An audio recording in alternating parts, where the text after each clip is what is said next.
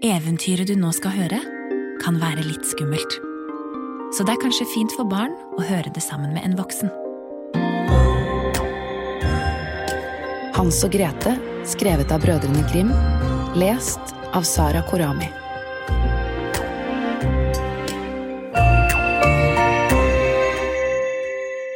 Langt borte, i utkanten av en stor skog, bodde en fattig vedhogger med kona si og de to barna sine. Gutten het Hans, og piken het Grete. De hadde lite å bite i og lite å brenne, og da det ble dyr tid i landet, visste ikke faren hvor han skulle skaffe det daglige brødet fra. En kveld, som han lå og kastet seg i senga og ikke kunne sove, sukket han og sa til kona, Hva skal det bli av oss? Hvordan skal vi få mat til barna, og vi har jo ingenting mer? Vet du hva, mann, svarte kona. I morgen tidlig tar vi barna med oss ut i tykkeste skogen. Der gjør vi opp ild og gir dem et stykke brød hver. Så går vi til arbeidet vårt og lar dem bli igjen alene ved bålet. De finner nok ikke veien hjem igjen, og så er vi kvitt dem. Nei, nei, nei, sa mannen, det gjør jeg ikke. Jeg har ikke hjerte til å la barna bli igjen alene i skogen. Ville dyr kan komme og rive dem i hjel. Du er en tosk, sa kona. På denne måten dør vi jo av sult alle fire. Du kan like godt snekre kistene våre straks. Og hun ga ham ikke fred før han lovte å gjøre det hun ville. Men jeg har så vondt av de stakkars barna, sa mannen. Barna hadde ikke fått sove fordi de var så sultne, og så hørte de alt det stemoren sa til faren. Grete gråt og hvisket til Hans, Nå er du ute med oss.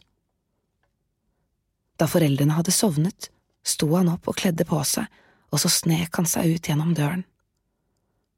Månen skinte klart, og de hvite steinene foran huset glinset som sølvpenger. Hans plukket lommene sine fulle, og så gikk han inn igjen og hvisket til Grete. Sov du, Grete Lill, Gud hjelper oss nok. Og så la han seg igjen. Tidlig, tidlig neste morgen, før solen var oppe, kom kona og vekket barna. Stå opp med dere, dovendyr, vi skal ut i skogen og hente ved, sa hun. Så ga hun dem et stykke brød hver og sa, Der har dere middagsmat, men spis det ikke for tidlig, for dere får ikke mer. Grete tok brødet, for Hans hadde lommene fulle av stein, og så ga de seg i vei inn i skogen alle fire. Da de hadde gått en stund, stanset Hans og så seg tilbake, og det gjorde han gang på gang. Til slutt sa faren, Hva er det du snur deg slik etter, Hans? Du får ta bena med deg så du holder følge med oss andre. Jeg ser etter den hvite kattepusen min, svarte Hans. Den sitter på taket for å si farvel til meg. Det er ikke katten, det er morgensolen som skinner på skorsteinspipa, sa stemoren. Men Hans hadde ikke sett etter kattungen, han bare kastet småstein på veien. Da de kom midt inn i skogen, sa faren, Dra sammen kvist, barn, jeg skal tenne bål for dere så dere ikke fryser. Og Hans og Grete fant en svær haug med kvist. Faren tente på, og da det brente godt, sa stemoren, Legg dere ved bålet og hvil dere, barn. Vi går lenger inn i skogen og hogger ved. Når vi er ferdige, kommer vi og henter dere. Hans og Grete satt ved bålet, og da det ble middag, spiste de brødet. Så lenge de hørte øksehogg, trodde de at faren var i nærheten. Men det var ikke øksehogg de hørte, det var en gren som faren hadde bundet til et tørt tre, og nå tok vinden og kastet grenen inn imot treet. De ventet og de ventet. Til slutt var de så trette at øynene falt igjen av seg selv, og de sov trygt. Da de endelig våknet, var det mørke natten. Grete gråt og sa, Vi kan ikke finne veien ut av skogen nå. Men Hans trøstet henne. Vent bare til månen kommer fram, så finner vi nok hjem, sa han. Og da fullmånen kom fram, tok han Grete i hånden og så gikk de etter steinene som lyste i måneskinnet. Det gikk hele natten, og i grålysningen kom de til farens hus. Kona lukket opp og da hun så at det var Hans og Grete, ropte hun Stygge unger, har dere sovet så lenge i skogen? Vi trodde dere aldri ville komme hjem igjen. Men faren var glad, for han hadde angret. Det varte ikke lenge før nøden var der igjen, og en natt hørte barna at moren sa, Nå har vi spist opp alt det vi har, det er bare et halvt brød igjen, så nå får det være slutt, barna må vekk. Vi får ta dem dypere inn i skogen så de ikke kan finne veien hjem. Mannen syntes det var hardt, men kona ville ikke høre på ham, og så måtte han gi seg denne gangen også. Men barna lå våkne og hørte alt det som ble sagt. Da foreldrene sov, sto Hans opp for å finne stein slik som forrige gangen, men stemoren hadde låst døren så han slapp ikke ut. Da trøstet han søsteren og sa, Gråt ikke, Sov bare rolig, for Gud hjelper oss nok. Tidlig om morgenen kom kona og fikk barna ut av senga. Så ga hun dem et stykke brød hver, men det var mindre enn sist. På veien til skogen tok Hans og smuldret brødet i lommen, og rett som det var, stanset han og kastet smuler på veien. Hva er det du somler slik etter, Hans, sa faren, kom nå. Jeg ser etter dua mi, den sitter på taket og vil, og vil si farvel, svarte Hans. Tøv, sa stemoren, det er ikke dua, det er morgensolen som skinner på skorsteinspipa. Men Hans lot som ingenting og strødde alle brødsmulene på veien. Så gikk de langt, langt inn i skogen der de aldri hadde vært før. Faren tente et stort bål, og så sa moren, Bli sittende her, barn, er dere trette, så sov en lur, vi går lenger inn i skogen og hogger ved. I kveld når vi er ferdige, kommer vi og henter dere. Ved middagstid spiste de, og Grete delte brødet sitt med Hans, for han hadde strødd sitt på veien. Så sovnet de, og kvelden kom og gikk, men ingen hentet de stakkars små barna. Da de våknet, var det mørkt, men Hans trøstet Grete og sa bare vent til månen kommer, så ser vi brødsmulene på veien, og så blir det ingen sak å finne veien hjem. Da månen kom fram, reiste de seg for å gå, men de fant ingen brødsmuler, for fuglene hadde spist dem. Vi finner nok veien likevel, mente Hans, men de fant den ikke. Hele natten gikk de, og neste dag fra morgen til kveld. Men de kom ikke ut av skogen, og de var så sultne for ville bær var det eneste de hadde å spise. Og da de var så trette at bena ikke ville bære dem lenger, la de seg under et tre og sovnet. Det var alt den tredje morgenen etter at de var gått hjemmefra. De tok på å gå igjen, men kom bare dypere og dypere inn i skogen. Kom ikke hjelpen snart, så ville de sulte i hjel. Ved middagstid fikk de se en snøhvit fugl som satt på en gren. Den sang så vakkert at de ble stående for å høre. Da den hadde sunget en stund, lettet den fra grenen og fløy. Barna fulgte etter til de kom til et lite hus, og der satte fuglen seg på taket. Men da barna kom helt fram, så de at huset var bygd av brød og kaker, og vinduet var av klart sukker. Her vil vi spise oss riktig gode og mette, sa Hans. Jeg tar et stykke av taket, og du kan spise av vinduet, for det smaker så søtt. Så strakte han seg på tå og brakk litt av taket, og Grete gikk bort til ruta og gnagde på den. Da hørte de inne fra stua. Knaske, knaske, knus, hvem rasker i mitt hus? Og barna svarte, Jo, det er himmelens vind, den slipper ikke inn så spiste de videre i ro og mak. Han slikte taket og rev ned et stort stykke av det, og Grete brakk en hel rute ut av vinduet og riktig godgjorde seg. Da gikk døren opp, og en eldgammel kone kom humpende ut. Hans og Grete ble så redde at de slapp det de hadde i hendene, men den gamle kona ristet på hodet og sa, Kjære barn, hvordan er dere kommet hit?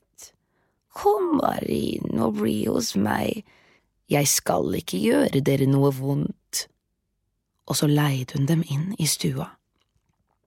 Der inne hadde hun satt fram den deiligste mat, melk og pannekaker med sukker på, og epler og nøtter. Så redde hun to bløte, hvite senger, og Hans og Grete la seg i hver sin og syntes de var som i himmelen. Men den gamle kona bare skapte seg til slik, for hun var en slem trollkjerring.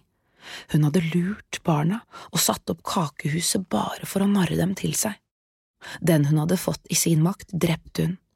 Hun kokte og spiste menneskebarn og var så stygg at det var en gru. Øynene hennes var røde, så hun kunne ikke se stort, men hun hadde fin teft, akkurat som dyrene, så hun merket det straks det var mennesker i nærheten. Med det samme hun værte Hans og Grete, lo hun stygt og sa ved seg selv. Nå har jeg dem. Tidlig neste morgen før barna våknet, sto trollkjerringa opp, og da hun så hvor godt de lå der og sov, med runde, røde kinn, mumlet hun, det skal riktig smake. Så grep hun fatt i Hans med de harde, tørre nevene sine og satte ham i en liten bås med sprinkeldør.